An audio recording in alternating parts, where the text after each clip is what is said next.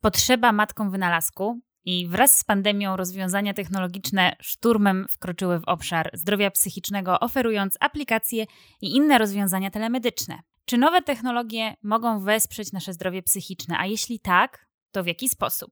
Z jakiego rodzaju narzędzi możemy korzystać na co dzień, by zatroszczyć się o swój dobrostan psychiczny? Jak rozwiązania technologiczne mogą wspierać pracę psychoterapeuty oraz czy sztuczna inteligencja w psychoterapii to hit czy KIT. O różnych obliczach nowych technologii w psychoterapii i oddziaływaniach skoncentrowanych na zdrowiu psychicznym porozmawiam dzisiaj z moim i Państwa gościem, dr Agatą Kozłowską, psycholożką, starszym specjalistą do spraw badawczych w Centrum Oceny Technologii i Sieci Badawczej Łukasiewicz, adiunktem w Katedrze Psychologii Różnic Indywidualnych na Wydziale Psychologii Uniwersytetu SWPS, związana także ze startupem uczelni Bewiado, gdzie odpowiadała za tworzenie i ewaluację interwencji psychologicznych online. Cześć Agata. Cześć, witam Ciebie i witam wszystkich. Ja nazywam się Janna Gutral, jestem psycholożką i psychoterapeutką poznawczo-behawioralną, użytkownikiem i weryfikatorem dobroci technologii po tej stronie terapeutycznej. Zatem, jeżeli są z nami inni psychoterapeuci, ale przede wszystkim użytkownicy, pacjenci, zachęcam do zadawania pytań już od teraz, wpisując je w okienko czatu. Agata, Dawno się nie widziałyśmy, więc bardzo cieszę się, że będę właśnie z Tobą mogła e, porozmawiać na ten temat, bo masz też duże doświadczenie w tworzeniu interwencji psychologicznych online, ale e, może żebyśmy tak zaczęły od początku, najlepiej najlepiej zaczynać od początku. Uwspólnijmy sobie te terminologie. Powiedz proszę, jak w ogóle technologia może być wykorzystywana w obszarze zdrowia psychicznego? Tak, ja myślę, że bardzo dobrze, że zaczęłaś właśnie od tego, e, co rozumiemy przez nowe technologie w zdrowiu psychicznym. I prawda jest taka, że musimy zacząć od tych, które są najszerzej wykorzystywane i każdy z nas, każdy tutaj, każdy nawet, który tutaj nie jest, nie interesuje się psychoterapią czy nawet nowymi technologiami, a je używa, bo e, tak naprawdę zarówno terapeuci, psychologowie, jak i każdy z nas używa czatów, używa e-maila, używa wideokonferencji, co teraz jest absolutnie, już można powiedzieć, normalne i e, z czym jakby e, zmagamy się, czy po prostu wykorzystujemy to na co dzień ale e, w kontekście właśnie zdrowia psychicznego są też bardziej specyficzne metody czy narzędzia. I tak jak już wspomniałaś, są tak zwane interwencje psychologiczne online, które e, mogą być zarówno tworzone w ramach aplikacji, e, aplikacji mobilnych, aplikacji tak zwanych webowych, czyli na przeglądarki, ale dostępnych za pomocą internetu. I w, w momencie, kiedy mówimy o interwencji psychologicznej online, mamy na myśli e, pewien materiał, on jest psychoedukacyjny, tam są pewnego rodzaju ćwiczenia, są też różnego rodzaju kwestionariusze.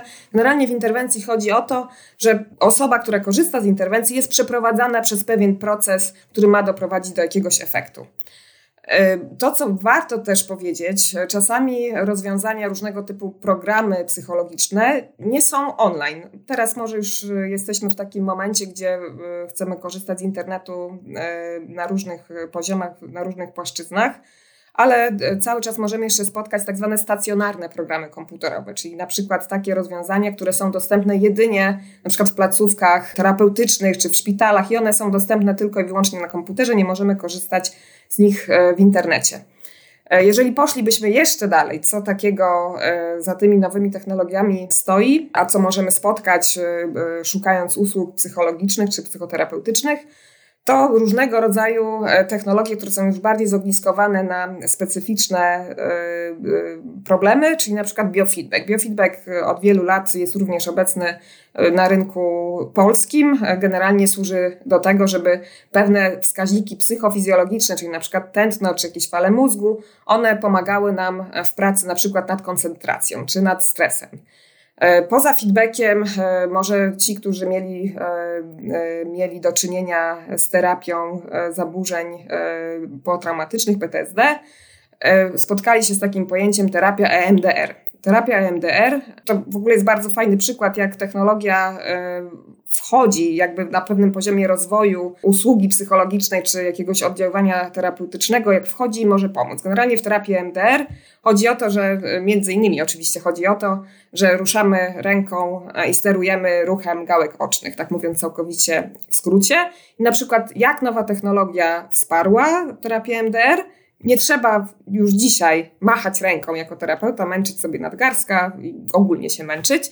Można skorzystać z takiego małego pudełeczka, który przełącza pewien sygnał, pewien, e, pewne światełko, za którym właśnie osoba biorąca udział w terapii MDR może podążać. Jeśli myślimy o terapiach, e, o terapiach, o jakichś narzędziach e, terapeutycznych, myślę, czy w ogóle właśnie psychologicznych narzędziach, myślę, że trzeba by też powiedzieć o czymś absolutnie podstawowym i również czymś, co nowe technologie już dawno wchłonęło, mianowicie testy psychologiczne. Jak wiemy, testy psychologiczne e, są w wersji papierowej, ale coraz częściej są również w wersji online. To zarówno właśnie w wersji online i również w wersji komputerowej, stacjonarnej. Teraz w zasadzie każdy, kto rozwija test, dąży do tego, żeby go zdigitalizować. Jeszcze 20 lat temu wszystko było papierołówek. W tej chwili mamy już do czynienia z wersjami, które są komputerowe. Dlaczego? I tutaj to warto podkreślić Dlatego, bo mamy automatycznie obliczany wynik. Myślę, że psychologowie tutaj obecni pamiętają jeszcze te godziny spędzone na obliczaniu wyników. Dzięki technologiom właśnie tego już nie musimy robić. Komputer za nas to liczy. Co więcej, myli się mniej niż my, kiedy musieliśmy po prostu na kartce w tych formularzach specjalnych różne rzeczy liczyć. A myślę, że też ważne, żeby powiedzieć, że wymieniłam kilka z tych technologii, ale oczywiście jest ich e, pewnie o wiele e, więcej, nawet o, może warto też powiedzieć o VR-ze, czyli wirtualnej rzeczywistości, tak? W wirtualnej rzeczywistości przenosimy się w jakiś świat, w jakąś sytuację, która również jest terapeutyczna. Na przykład, kiedy pracujemy nad lękiem, możemy e, przykładowo, jeżeli pracujemy nad lękiem przed pająkami, tak, to po prostu w wirtualnej rzeczywistości takiego pająka w różnych konfiguracjach możemy spotkać. E, I to coraz częściej pojawia się e, na świecie jako oferta również do, do pracy nad, e, nad fobiami. Nam się może wydawać, że nowe technologie to dopiero teraz wkraczają w ten obszar zdrowia psychicznego, ale pogooglowałam troszkę i w 1972 roku naukowcy z Uniwersytetu Stanforda zaprezentowali pierwsze połączenie z wykorzystaniem internetu do zastosowania pewnej interwencji, rozmowy. Natomiast później w latach 90. badacze z Amsterdamu stworzyli pierwszą grupę badawczą, która zajmowała się e, badaniem oddziaływań online. No i wówczas były to głównie e, czaty, pisanie z pacjentami, były to grupy wsparcia, były to e, różnego rodzaju ćwiczenia samopomocowe. W jaki sposób to ewoluowało do dnia dzisiejszego? To jest w ogóle bardzo ciekawy wątek, bo osoby, które zajmują się nowymi technologiami, mają takie wizjonerskie podejście, że tu mamy sztuczną inteligencję, za chwilę już nie będą potrzebni terapeuci, ale mi się wydaje, że COVID pokazał coś e, bardzo, bardzo dobitnie, że etap e, wykorzystania nowych technologii w psychoterapii jest taki, że korzystamy na szeroką skalę z wideokonferencji właśnie. Tak jak mówiła, 72 rok Stanford i tam to się zaczęło, ale tak naprawdę zostało wdrożone w zeszłym roku, tak? w momencie, kiedy pojawiła się bardzo, bardzo silna potrzeba, żeby nie powiedzieć przymus do tego, żeby korzystać z tego typu rozwiązań i sprawdzać na własnej skórze, jak to działa, czy dobrze się czujemy, używając taką technologię. E, I chciałabym tutaj podkreślić, że e, zarówno chodzi o e, klientów, pacjentów, ale również terapeutów, bo czasami jest to traktowane trochę po macoszemu, że terapeuta ma robić to, co klientowi pasuje, a prawda jest taka, że to musi obydwu stronom pasować, żeby dobrze działało. Jakie są trendy? No to tak jak mówiłam, no na pewno VR będzie się rozwijał, na pewno aplikacje będą się rozwijały i będziemy gdzieś oczywiście, e, na przykład te badania, które mnie szczególnie e, interesują i e, mi się podobają, to jest wejście w ten proces terapeutyczny, żeby nie tylko patrzeć, e, jakby żeby spróbować odkryć w końcu to, co takiego w tej psychoterapii działa. Jak spojrzymy sobie na badania dotyczące tego właśnie, co sprawia, że psychoterapia jest efektywna, otrzymujemy odpowiedź, że główny czynnik, który działa, to jest czynnik niespecyficzny. Część osób teraz poszukuje tej odpowiedzi, badając tak zwane przymierze terapeutyczne, czyli to zaangażowanie tych dwóch stron. Niemniej jednak jest to bardzo, bardzo ogólne stwierdzenie. W momencie, kiedy chcemy rozwijać technologię, nie możemy bazować na ogólnych stwierdzeniach, tylko musimy poszukiwać wskaźników. Tak? Jeżeli chcemy później e, na przykład uczyć komputer, czy chcemy e, programować e, jakiegoś typu rozwiązania, musimy być bardzo, bardzo konkretni. Na tym etapie badań nad psychoterapią jeszcze tych konkretów za dużo nie ma. I właśnie te badania, które mnie szczególnie zainteresowały, to takie nowe urządzenie, które powstało na MIT. E, publikacja, która wstępnie testuje to urządzenie, pojawiła się e, w ubiegłym roku. I co to urządzenie robi? To urządzenie nie tylko pozwala nagrywać głos, e, czyli to, czyli to co się dzieje na sesji, ale również pozwala sczytywać, generuje informacje na temat tego, na przykład ile było pauz, jak długie, na przykład próbuje też klasyfikować emocje, które się pojawiają. Generalnie dostarcza o wiele więcej danych, żeby później móc analizować to, co dokładnie e, w gabinecie psychoterapeutycznym się dzieje. Ale chciałabym podkreślić jedną rzecz, w badaniach e, tego typu, na przykład e, właśnie na MIT, kiedy wdrażamy technologię, to jest bardzo, bardzo powolny proces. Powolny, może z perspektywy biznesowej może się na przykład wydawać, że to nie ma sensu, ale prawda jest taka, że usługi psychologiczne są usługami zaufania e, społecznego i to, co wdrażamy, musi być naprawdę rzetelne. Na przykład w momencie, kiedy e, e, to urządzenie powstało, urządzenie nie było wdrożone od razu do gabinetów, nie było w szpitalach. To urządzenie pierwszej fazie, czyli w tej fazie, na jakiej są, w jakiej są teraz badacze z MIT, jest sprawdzane w porównaniu do zwykłych urządzeń, które nagrywają głos. I to badanie jest przeprowadzane z udziałem studentów. To nie jest nawet sytuacja, która w jakikolwiek sposób może oddziaływać na zdrowie psychiczne. To jest sytuacja całkowicie neutralna. I dopiero w kolejnym etapie, e, bo jakby te badania pokazały, że osoby, które mają takie urządzenie, ono jest trochę większe niż e, zwykły dyktafon, że osoby, które są w sytuacji, e, w momencie symulacji terapeutycznej, że nie odczuwały, że to urządzenie w jakiś sposób zaburza relacje czy komunikację w trakcie takiego spotkania terapeutycznego. Dobra, Agata, muszę Ci wejść słowo. Obie lubimy przewodzić, więc e, już twoje, e, Twoja wypowiedź otworzyła kilka wątków e, i kilka pytań, które ja chciałabym zadać, bo z perspektywy terapeuty wiemy, że oddziaływania online, zwłaszcza w nurcie poznawczo-behawioralnym, nie są w żaden sposób mniej skuteczne niż takie oddziaływania na żywo. Natomiast użyłaś też słowa klucz pod tytułem podejście biznesowe, no bo ja mam takie poczucie, że ta psychoterapia i to zdrowie psychiczne w, w pewien sposób zrobił się trochę pomysł na biznes. To znaczy, e, e, ja to obserwuję jako taki trend, że parę lat temu zaczęło się mówić o zdrowiu psychicznym jako takiego, takim ważnym elemencie życia jednostki. E, zaczęliśmy oswajać wizyty u psychoterapeuty, zaczęliśmy oswajać wizyty u lekarzy psychiatrów, a teraz jesteśmy w takim trendzie wznoszącym, że coraz więcej tych różnych szans, korzyści i aplikacji nas zalewa. W zasadzie trudno się zorientować, z czego chcielibyśmy skorzystać najpierw. No więc ja się zastanawiam, czy każda aplikacja, która jest oferowana na rynku, nie tylko polskim, tak naprawdę ma podstawy do tego, żeby móc być nazwana oddziaływaniem psychoterapeutycznym. Żebyś skąd w ogóle mamy wiedzieć, że to jest skuteczne? No przecież teraz aplikację może sobie stworzyć każdy. To prawda i rzeczywiście e, z uwagi na to, że rynek usług psychoterapeutycznych czy psychologicznych nie jest w Polsce regulowany i tutaj to trzeba bardzo głośno powiedzieć, to dotyczy również nowych technologii, które są w tym obszarze wykorzystywane. I tak naprawdę ciężar oceny tej technologii, czy ona jest rzetelna, spoczywa na użytkownikach i również na terapeutach, w zależności od tego, kto e, podejmuje decyzję o wprowadzeniu czy korzystaniu z pewnego rodzaju technologii czy aplikacji. Zadałaś pytanie, jak to sprawdzić. Generalnie trzeba poszukiwać informacji. E, myślę, że e, idealna sytuacja byłaby taka, że byłyby jakieś przewodniki, które pozwalają e, na taką indywidualną ocenę technologii, jak sprawdzić, że aplikacja jest warta tego, żeby w ogóle z niej korzystać, a może nie tyle warta, co rzetelna i bezpieczna, bo bezpieczeństwo wydaje mi się, że jest tu kluczową kwestią. E, ja mogę powiedzieć o kilku takich aspektach, które należy brać pod uwagę, jeśli e, chcemy korzystać z różnego typu aplikacji. Pierwsza rzecz to na przykład sprawa taka, czy aplikacja została stworzona w oparciu o jakieś wyniki badań naukowych, czy jest tak zwana evidence-based.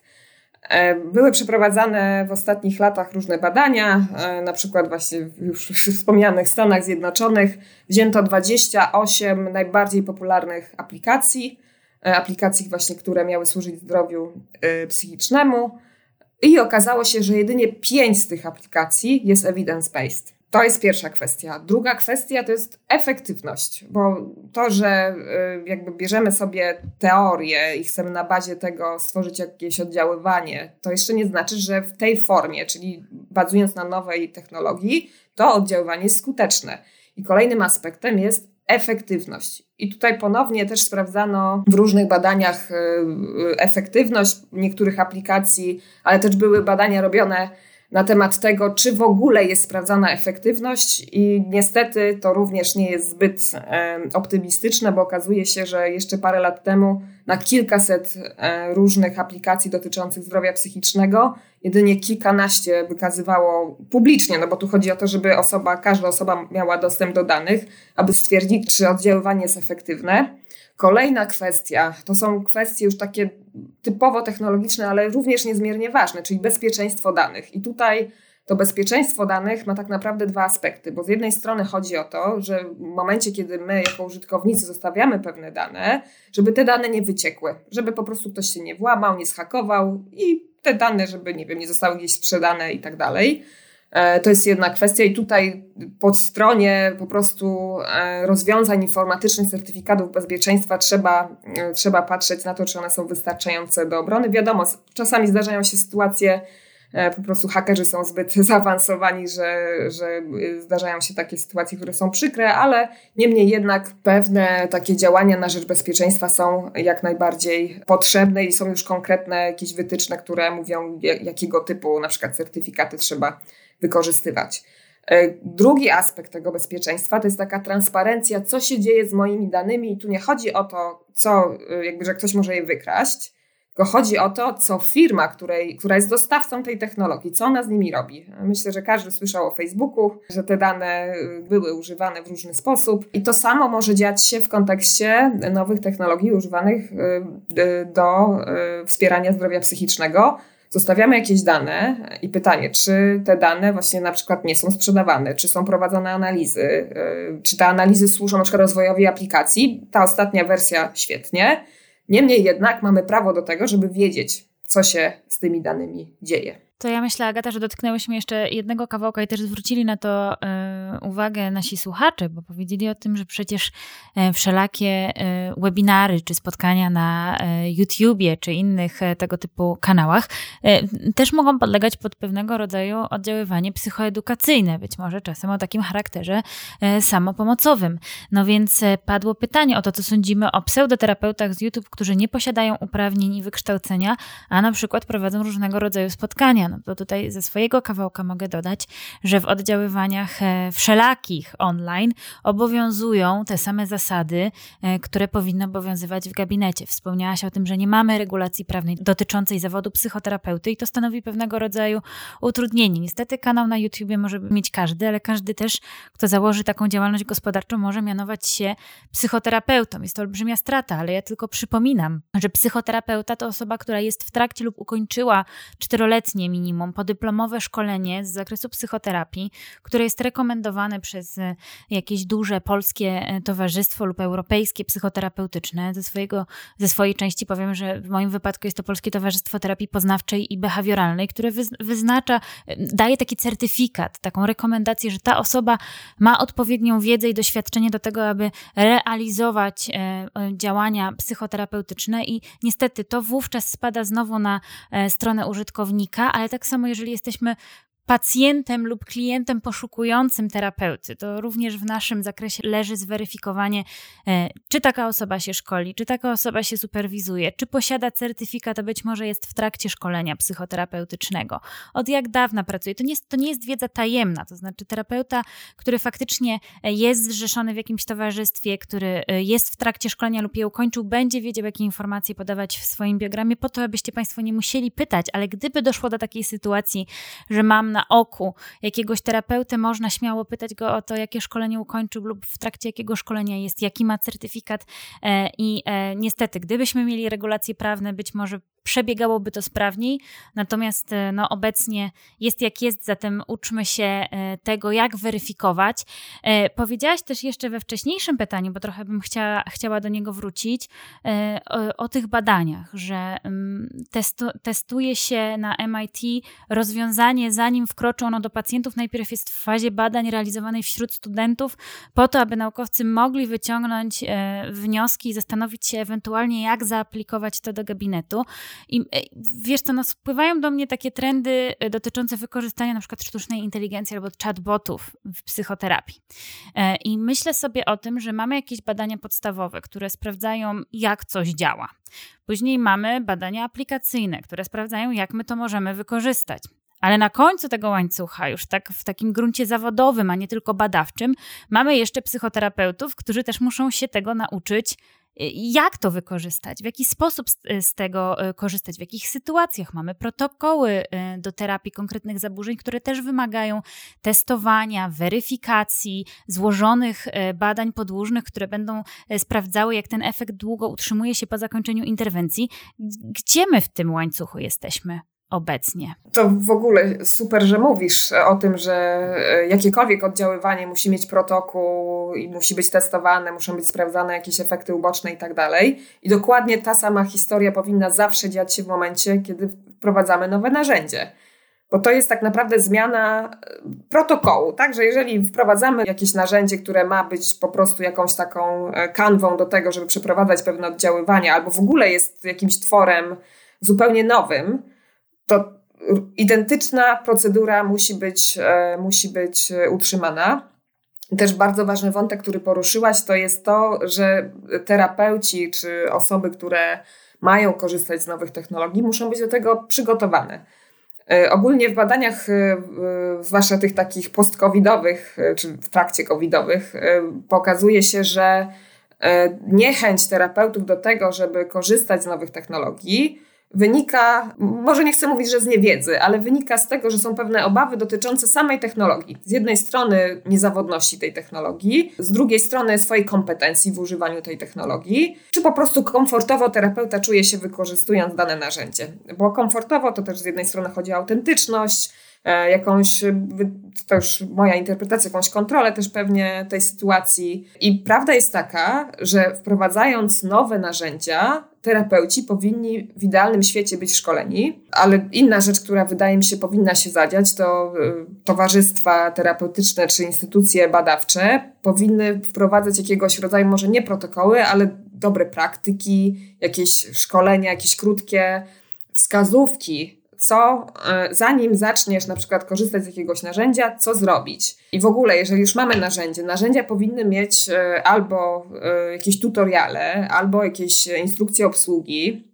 Idealnie, gdyby były jakieś szkolenia. I to jest absolutnie normalna rzecz. Zawsze, kiedy uczymy się jakiegoś narzędzia, jest jakiś taki moment, kiedy musimy się go nauczyć. Dopiero jak jesteśmy sprawni w jego wykorzystaniu, możemy, powiem tak kolokwialnie, iść do ludzi, czyli w tym momencie do naszych klientów czy pacjentów. No, ja też e, mam e, taką myśl, że dużo jest takich narzędzi, na przykład w psychoterapii poznawczo-behawioralnej, które dotychczas były najczęściej wykorzystywane e, w tradycyjnej formie papier-ołówek. Na przykład takim klasycznym narzędziem, techniką, którą się wykorzystuje czy w terapii zaburzeń nastroju, czy w terapii zaburzeń lękowych jest dziennik nastroju. To znaczy monitorujemy sobie, jak tam się czujemy, na ile oceniamy swój nastrój w różnych sytuacjach i zaczęły pojawiać się świetne narzędzia, które ułatwiają to dzięki temu, że mogą być, no właśnie, aplikacją w telefonie, w zegarku, w komputerze, czyli we wszystkim tym, e, co zawsze mamy pod ręką, czasami bardziej niż notes e, i e, długopis, żeby ten dziennik zapisać. I takie narzędzia jak najbardziej są włączane w pracę terapeutyczną, ale nie stanowią one oddziaływania w samym w sobie, tak? To znaczy, same prowadzenie dziennika nastroju być może doprowadzi nas czasem do jakichś wniosków albo trafnych obserwacji, obserwacji, że na przykład rano to ja mam gorszy nastrój, ale wieczorem on się poprawia. Mogę przeanalizować, co się dzieje w trakcie. Natomiast y, takie narzędzia wykorzystywane w relacji terapeutycznej, w procesie terapeutycznym, również są, no, moim zdaniem, jeszcze trochę czymś innym niż samo narzędzie samopomocowe. Co o tym myślisz? Tak, zgadzam się, że właśnie w ogóle mówiąc, czy myśląc o nowych technologiach e, w wspomaganiu zdrowia psychicznego, trzeba najpierw sobie zawsze zadać pytanie, po co? Jakby jaki jest cel? Co ma ta technologia wnieść? Bo wyobrażam sobie, że te na przykład interwencje samopomocowe, może być taka sytuacja, że nawet osoba lecząca się na depresję, nawet terapeuta może zobaczyć, że dobrze by było, żeby ta osoba podniosła swoje umiejętności komunikacyjne. I jeżeli na przykład byłaby rzetelna, sprawdzona interwencja czy aplikacja, która jakoś wspiera ten rozwój, można odesłać, tak? Co innego jakby dzieje się w gabinecie, ale są pewne takie poboczne tematy, które warto dotknąć i być może właśnie użyć, e, użyć technologii do tego. E, I jeszcze kolejna rzecz, bo mówiłaś o tym, że właśnie wykorzystanie e, elektronicznej wersji dzienniczka ułatwia. I właśnie to jest najważniejsza kwestia, w zasadzie najważniejsza wartość, którą nowe technologie wnoszą. One powinny przede wszystkim ułatwiać. Gdzieś wydaje mi się, że panuje takie przekonanie częściowo, że a, bo nowe technologie są modne, no to powinny być w psychoterapii również. Ale to nie jest tak, że one mają być, bo są fajne. Może część osób, które lubią gadżety, czy to zarówno po stronie psychoterapeuty, jak i klientów, właśnie tą drogą pójdzie, ale generalnie, kiedy w ogóle mówimy o rozwoju technologicznym czegokolwiek, to jest po prostu odpowiedź na konkretne potrzeby. Tak, tak, jak, tak samo jak było w testach psychologicznych, potrzebą było to, że musimy mieć wersję zdigitalizowaną, bo szybciej obliczamy wyniki. A gdybyśmy się jeszcze cofnęli w tej historii testów psychologicznych, w ogóle czemu testy y, psychologiczne zostały wprowadzone na szeroką skalę? Bo w czasie I wojny światowej amerykańskie wojsko y, miało potrzebę y, szybkiego rekrutowania nowych żołnierzy i przydzielania ich do konkretnych formacji wojskowych. Psychologowie nie wyrabiali stwierdzono, że testy psychologiczne mogą w tym pomóc i w tym momencie znowu to jest narzędzie, wtedy jeszcze e, tak zwane analogowe, tak, papierowe, ale proszę zobaczyć, znowu potrzeba, tak, potrzeba matką wynalazku, używamy testów psychologicznych, które oczywiście już powstawały nawet pod koniec XIX wieku, jakieś pierwsze przymiarki. Wdrożyliśmy na szeroką skalę, za kilkadziesiąt lat okazuje się, że rozwój techniki, tak bym nawet szerzej powiedziała, rozwój techniki pozwala zdigitalizować te testy, żeby jeszcze bardziej nam ułatwić pracę. I wydaje mi się, że to jest klucz, żebyśmy pamiętali, że nowe technologie nie są jakimś przymusem, tylko mają nas wspomagać.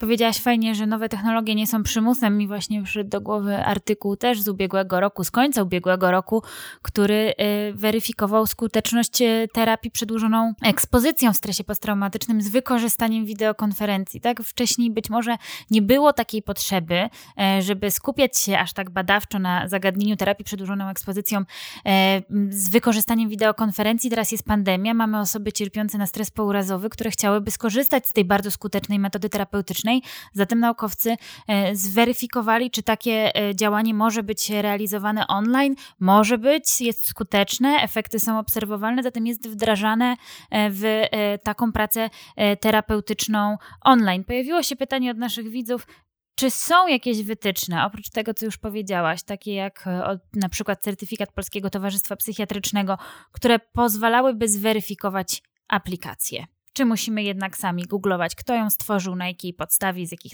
materiałów korzystał? E, w tej chwili wydaje mi się, jeżeli myślimy o Polsce, oczywiście, że w Polsce nie ma i powiem szczerze, że na chwilę przed webinarem jakoś do mnie doszło, że ja, czy może nawet z Asią, tak, powinniśmy nad czymś takim e, popracować. Generalnie jest potrzeba i ona będzie coraz większa, bo e, coraz szerzej będziemy korzystać. No niestety, póki co trzeba samemu sobie radzić. Jeżeli chodzi z kolei o e, specjalistów, tak, o psychoterapeutów, jeżeli e, poszukiwaliby jakichś wytycznych, w jaki sposób prowadzić e, telepsychoterapię, to amerykańskie Towarzystwo Psychologiczne tego typu wskazówki wydało.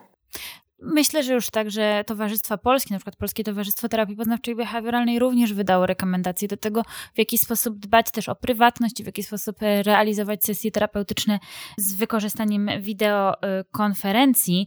E, wiesz co, e, no tak, terapia online, w zasadzie teraz możemy ją realizować bez wychodzenia z domu. I z jednej strony bardzo drażni mnie taka narracja, terapia lekka, łatwa i przyjemna, bez wychodzenia z domu, idealna dla, dla ciebie, że to jakoś stoi w takiej sprzeczności z tym, jak ja widzę i myślę o psychoterapii, ale z drugiej strony wiem także, że jest to olbrzymia szansa na przykład dla osób, które mieszkają za granicą i nie komunikują się w języku obcym na tyle sprawnie, żeby e, korzystać z psychoterapii. E, dla osób z niepełnosprawnością, którym, dla których wychodzenie z domu, poruszanie się, dojazd mógłby być pewnego rodzaju y, ograniczeniem. Więc widzę zarówno benefity płynące z terapii realizowanej online, ale z drugiej strony bardzo przeraża przeraża mnie sposób, w jaki mówi się o terapii, że właśnie bez wychodzenia z domu, co ja będę jechała te 20 minut tramwajem do gabinetu, jak mogę sobie po prostu odpalić komputer i gdzieś pomiędzy oglądaniem serialu a zmywaniem naczyń zrealizować sesję terapeutyczną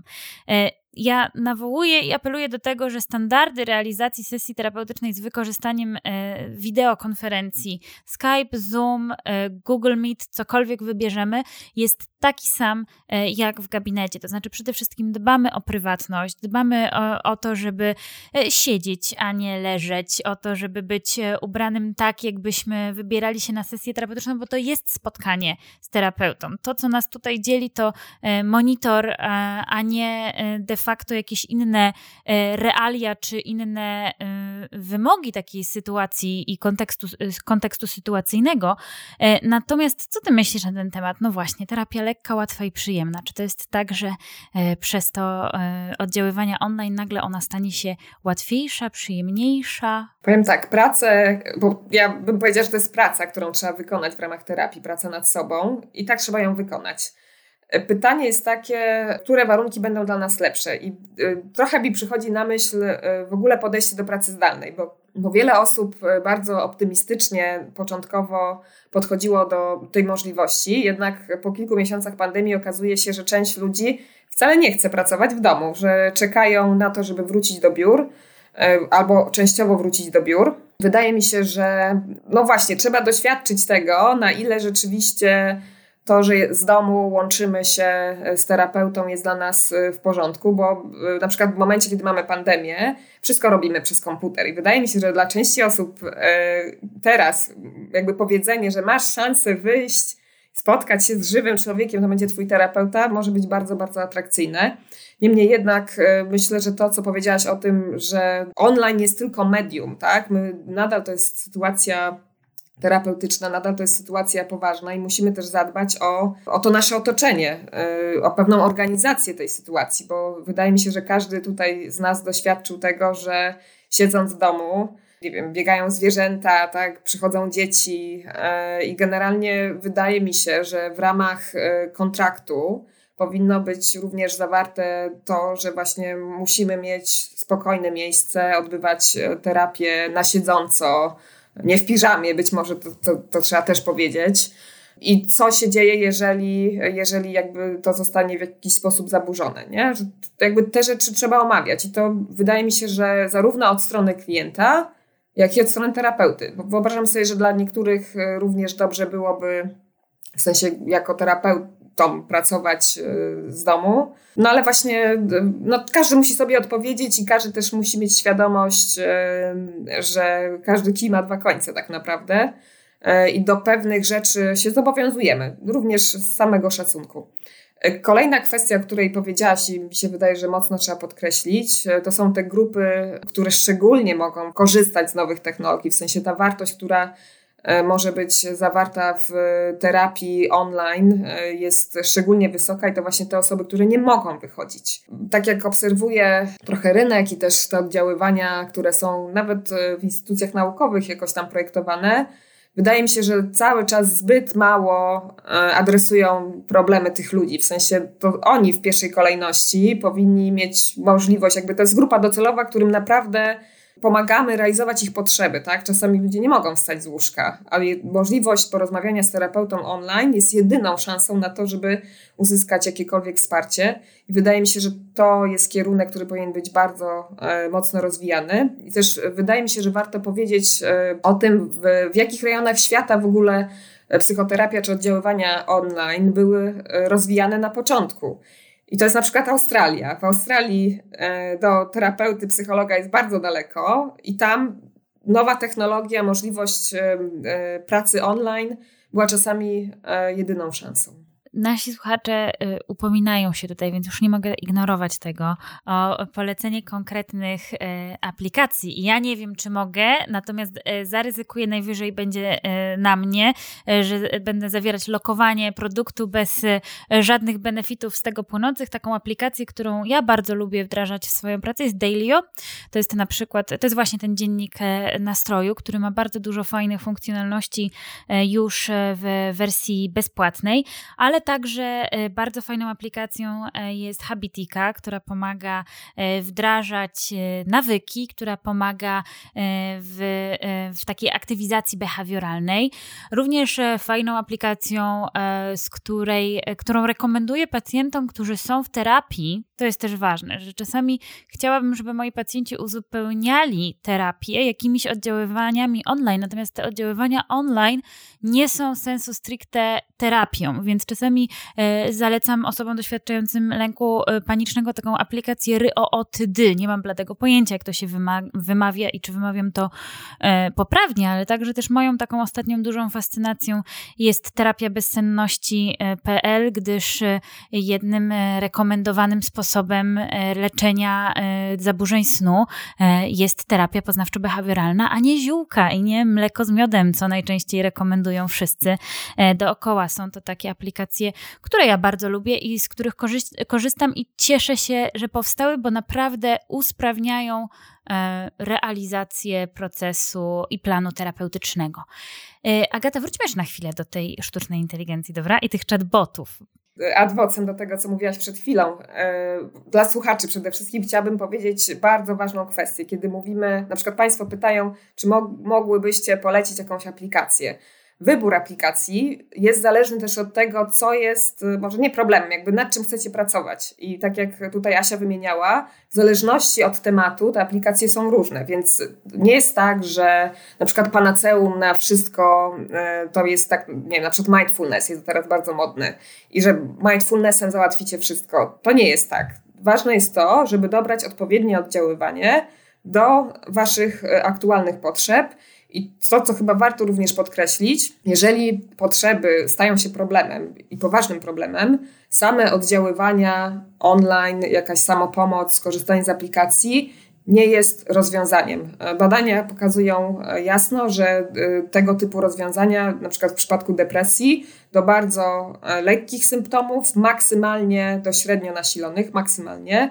W momencie, kiedy e, problemy są bardzo, bardzo nasilone, no to już opieka stacjonarna jest w zasadzie jedynym rozwiązaniem i trzeba e, o tym pamiętać. Jednocześnie e, to, co jest bardzo, e, bardzo mocno podkreślane, łączenie opieki takiej stacjonarnej, tak wizyt u terapeuty, psychiatry, psychologa, plus oddziaływania online jest najbardziej skuteczne. Jeżeli z różnych stron my będziemy, różnych stron, jakby różnych rozwiązań będziemy szukać i je łączyć, wtedy możemy uzyskać najlepsze efekty też przychodzi mi taka refleksja, często dziennikarze, ale też, y, nie wiem, studenci, słuchacze pytają trochę takie, zadają takie pytania jak. Ja się śmieję, że to są takie pytania z kategorii jak żyć, ale jak pokonać depresję, jak wyleczyć się z fobii społecznej. E, I e, zawsze e, mówię, że gdyby był taki jeden jasny sposób, który mogłabym powiedzieć zrób to i to, to pewnie miałabym już taki przepis na to, jak żyć, mogła go wszystkim rekomendować, zbić na tym fortunę i nie wiem, opalać się gdzieś na plaży na Hawajach, a E, takiego jedno, jednoznacznego sposobu nie ma. I tak jak wspomniałaś o tym, że czasami faktycznie zdarza się tak, jak e, z przeziębieniem. Wystarczy herbata z miodem i dzień odpoczynku, czasami wystarczy herbata z miodem, łyżka czosnku i dwa dni odpoczynku, a czasami faktycznie musimy e, udać się do lekarza, skorzystać z jakichś przepisanych leków. I trochę tak jest ze zdrowiem psychicznym. Znaczy, czasami zdarzają nam się trudne okresy i komu się nie zdarzają. Nie można być w życiu tylko szczęśliwym wszystkie emocje są ważne. Czasami e, będzie dla nas e, wglądowe, interesujące to, kiedy przeczytamy jakiś poradnik psychologiczny, zwłaszcza taki, który został napisany e, przez eksperta, psychologa, psychoterapeuta, a nie na przykład przez podróżniczkę.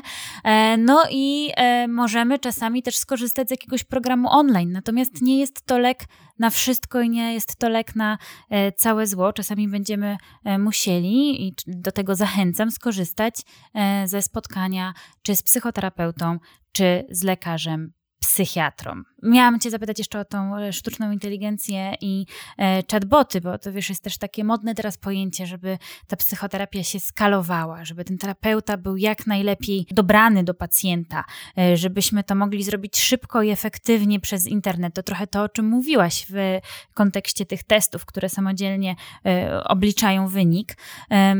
No więc jak myślisz, czy sztuczna inteligencja, czy chatbot zastąpi terapeutę? Rozbijałabym to pytanie na, e, na dwie części, bo e, najpierw e, warto chyba odpowiedzieć, jak jest teraz. Czy chatbot w tej chwili, czy sztuczna inteligencja jest na takim etapie rozwoju, że mogłaby zastąpić psychoterapeutę? Nie.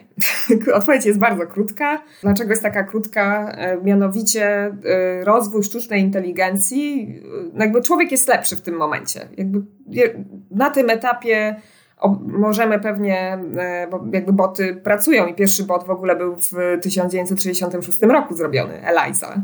Ale człowiek i tak jest lepszy, ponieważ w rozmowach, e, to jest sytuacja społeczna, jest wiele różnych czynników, które jakby modelują tę sytuację i w tym momencie sztuczna inteligencja e, tych wszystkich czynników nie bierze pod uwagę. I to, co warto powiedzieć, e, żeby sztuczna inteligencja mogła się nauczyć, najpierw badania na temat samej psychoterapii muszą być rozwinięte. To już dzisiaj poruszałyśmy. Generalnie w momencie, kiedy bardziej e, zmapujemy to, co się dzieje w psychoterapii, być może nauczymy e, tę sztuczną inteligencję czegoś więcej. I hipotetycznie można zakładać, że sztuczna inteligencja stanie się tak dobra jak człowiek. Hipotetycznie za x lat. Absolutna teoria, ale jeżeli dojdziemy do takiego momentu, warto postawić pytanie, czy my ludzie będziemy chcieli korzystać z usług sztucznej inteligencji, czy chcemy, czy chcielibyśmy bardziej korzystać z usług ludzi, bo chcemy być z ludźmi, nie z maszynami. Y, kojarzy mi się tutaj taki projekt, w którym brałam udział w zeszłym roku i y, nawet sama przeprowadzałam część wywiadów i te wywiady były z osobami młodymi właśnie w kontekście wykorzystania pewnej nowej technologii, e, właśnie takiej bardziej zautomatyzowanej i e, gotowości tych młodych ludzi do tego, żeby z tej nowej technologii korzystać. I odpowiedź, którą słyszałam, to nie była jednostkowa odpowiedź, to padało kilka razy. polegała na tym, że ludzie mówili: OK, ale ja mam problemy, znaczy ludzie mają problemy psychiczne, bo tej now- tych technologii jest za dużo. Nasze życie jest w social mediach. My chcemy prawdziwego życia, prawdziwych ludzi, emocji, dotyku i tak dalej. I dlaczego ja mam e, naprawiać, czy tam radzić sobie z tymi problemami e, za pomocą nowych technologii, skoro to jest przyczyna, tak przynajmniej oni, w sensie ci młodzi ludzie, część z nich widziała to, że to jest przyczyna tego, że te problemy się pojawiają. Pojawiło się też takie pytanie na czacie, czy dostrzegamy jakieś e, niebezpieczeństwa, jakieś zagrożenia wynikające z ilości nowej technologii, która wkracza e, w obszar zdrowia psychicznego. Ja mam taką myśl, że nadużycia ilości bez jasnego wskazania celu, po co to narzędzie jest wykorzystywane, w jakim celu, co ja, czego ja mam się z tego dowiedzieć, czy jako użytkownik, czy jako psychoterapeuta, może być zagrażające. To znaczy w psychoterapii no, wyjaśniamy pacjentowi, po co wdrażamy wdrażamy jakąś technikę, nieważne czy jest ona analogowa czy online, co ona ma na celu, no i w jaki sposób może y, przybliżyć pacjenta do realizacji jego celów terapeutycznych. To znaczy, my nie wrzucamy wszystkich dobroci technologii na pacjenta i a może coś zadziała, tylko raczej dostosowujemy te narzędzia, które mogą w jakiś sposób wesprzeć ten proces terapeutyczny, a proces terapeutyczny jest skoncentrowany na realizacji celów, które wyznacza pacjent. Więc y, raczej tu bym widziała zagrożenie, że być może zdarzą się takie sytuacje, że osoby poszukujące pomocy e, będą, e, no właśnie, albo samodzielnie aplikować sobie zbyt dużą ilość e, różnego rodzaju aplikacji, które de facto nie będą związane z ich problemem, i wtedy jakoś zabrakłoby mi tego czynnika ludzkiego, który pomoże, wesprze, zaplanuje i przeprowadzi przez taki proces terapeutyczny. No albo faktycznie ta technologia tak nas zaleje, no ale tutaj już to wszystko w rękach psychoterapeutów, aby stosowali to rozsądnie. A ty jakie widzisz zagrożenia? Wiesz to jeszcze tak e, dorzucę jedną rzecz, jak e, mówimy o tym zalaniu nową te technologią i właśnie w kontekście już przywołanych tutaj testów psychologicznych, w momencie, kiedy dana osoba jest zdiagnozowana. Tak? Diagnoza psychologiczna stoi na trzech filarach. Jeden to oczywiście testy psychologiczne, one są zdigitalizowane teraz coraz częściej, ale są jeszcze dwa inne filary, które są typowo ludzkie. Jeszcze. E, pierwsza rzecz to jest wywiad, a, e, znaczy pierwsza, druga rzecz to wywiad, a trzecia e, obserwacja. I to są, to nie jest tak, że właśnie my tylko i wyłącznie korzystamy z testów i jakby nie ma tutaj żadnego ludzkiego czynnika. To jest tak, że my te technologie wpletliśmy, tak? Być może w przyszłości mogę sobie wyobrazić, że ten wątek obserwacyjny, dane z obserwacji mogą być jakoś tam wsparte nową technologią, ale jak widać, póki co nie jest to jakaś gorąca potrzeba i to się nie dzieje. Co do bezpieczeństwa, no, pierwsza rzecz, jaka mi się kojarzy, to przede wszystkim to, że właśnie te nowe technologie coraz częściej są zbyt dużym uczestnikiem naszego życia, tak? Że to, to jest właśnie temat, z którym e, ludzie przychodzą, albo przy okazji się okazuje, że, że, że jakby to leczy gdzieś tam u podłoża problemu i w momencie, kiedy oddziaływania terapeutyczne są również z wykorzystaniem nowych technologii, no to pytanie, e, czy tak powinno być. Mogę sobie e, wyobrażać, że gdyby na przykład pracować z taką osobą, że okay, zaczniemy w świecie, w świecie takim online, w świecie IT, ale stopniowo będziemy z tego wychodzić, tak? To nie jest tak, że od razu mówimy, dobra, rzucamy i nie robimy.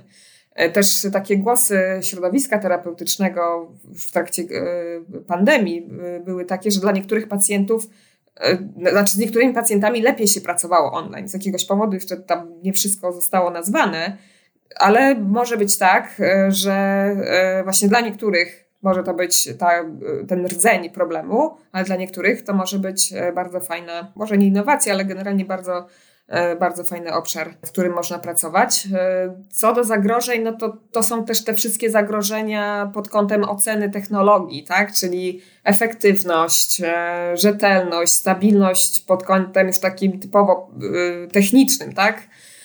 I bezpieczeństwo danych zdecydowanie często słyszę takie głosy, że fajnie byłoby mieć taką sztuczną inteligencję na sesji terapeutycznej, no bo przecież ona mogłaby widzieć wszystko to, czego nie widzi terapeuta. Każdy ruch ręki, zwłaszcza teraz w tej rzeczywistości online, zazwyczaj widzę e, twarz e, pacjenta, nie widzę całej jego sylwetki, tak jak w gabinecie, a ja wtedy zawsze zastanawiam się, a dlaczego to jest ważne, żebym ja widziała to, ten ruch ręką albo ten e, ruch dłonią. Jest taka pokusa chyba, że sztuczna inteligencja powie nam o człowieku więcej niż on sam o sobie wie.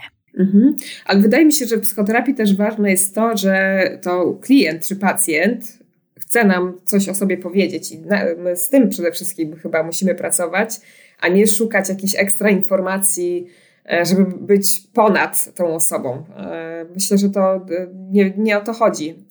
Ale z drugiej strony potrafię sobie wyobrazić, że właśnie jest taka pokusa, im więcej danych będę miał, będę miała, tym lepiej pomogę tej drugiej osobie.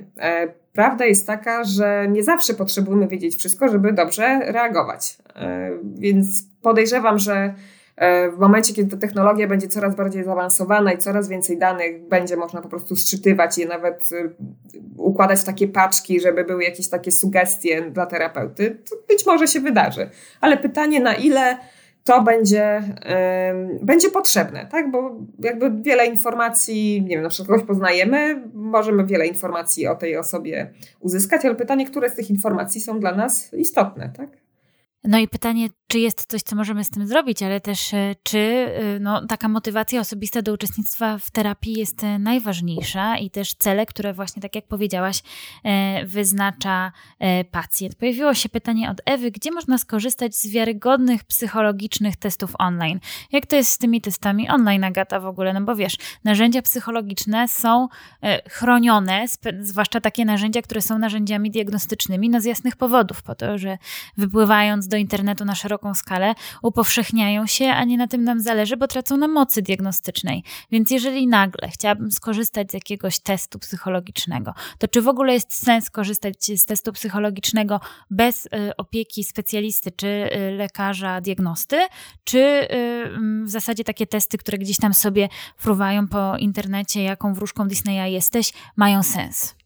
E, to myślę, że na początek trzeba rozróżnić e, testy pod kątem jakościowym, bo właśnie jaką wróżką z Disneya jesteś, to nie jest test e, psychologiczny, a myślę, że bardziej obrazowo mówimy o teście psychometrycznym, przed którym stoją bardzo konkretne wymagania, żeby móc być wykorzystywanym w diagnozie. Chodzi tutaj o rzetelność, czyli stałość wyniku, o trafność, czy, czy rzeczywiście test mierzy to, co mierzy, o to e, e, generalnie też chodzi o to, żeby były normy do tych testów, czyli przebadanie na bardzo dużej grupie i tak naprawdę przy diagnozie, przy e, prowadzeniu wnioskowania na podstawie testu, my porównujemy wynik danej osoby z bardzo dużym zasobem wiedzy tego, jak w populacji dana cecha się e, rozkłada. Ale prawda jest taka, tak jak powiedziałaś, że i również te testy, które są chronione prawem autorskim, e, one wypłynęły, tak?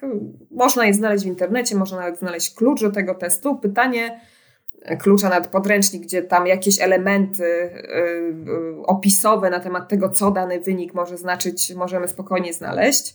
Ale czy warto jest z tego korzystać? E, tak jak już dzisiaj powiedziałyśmy, e, diagnoza psychologiczna stoi na trzech filarach: testy, obserwacja, rozmowa.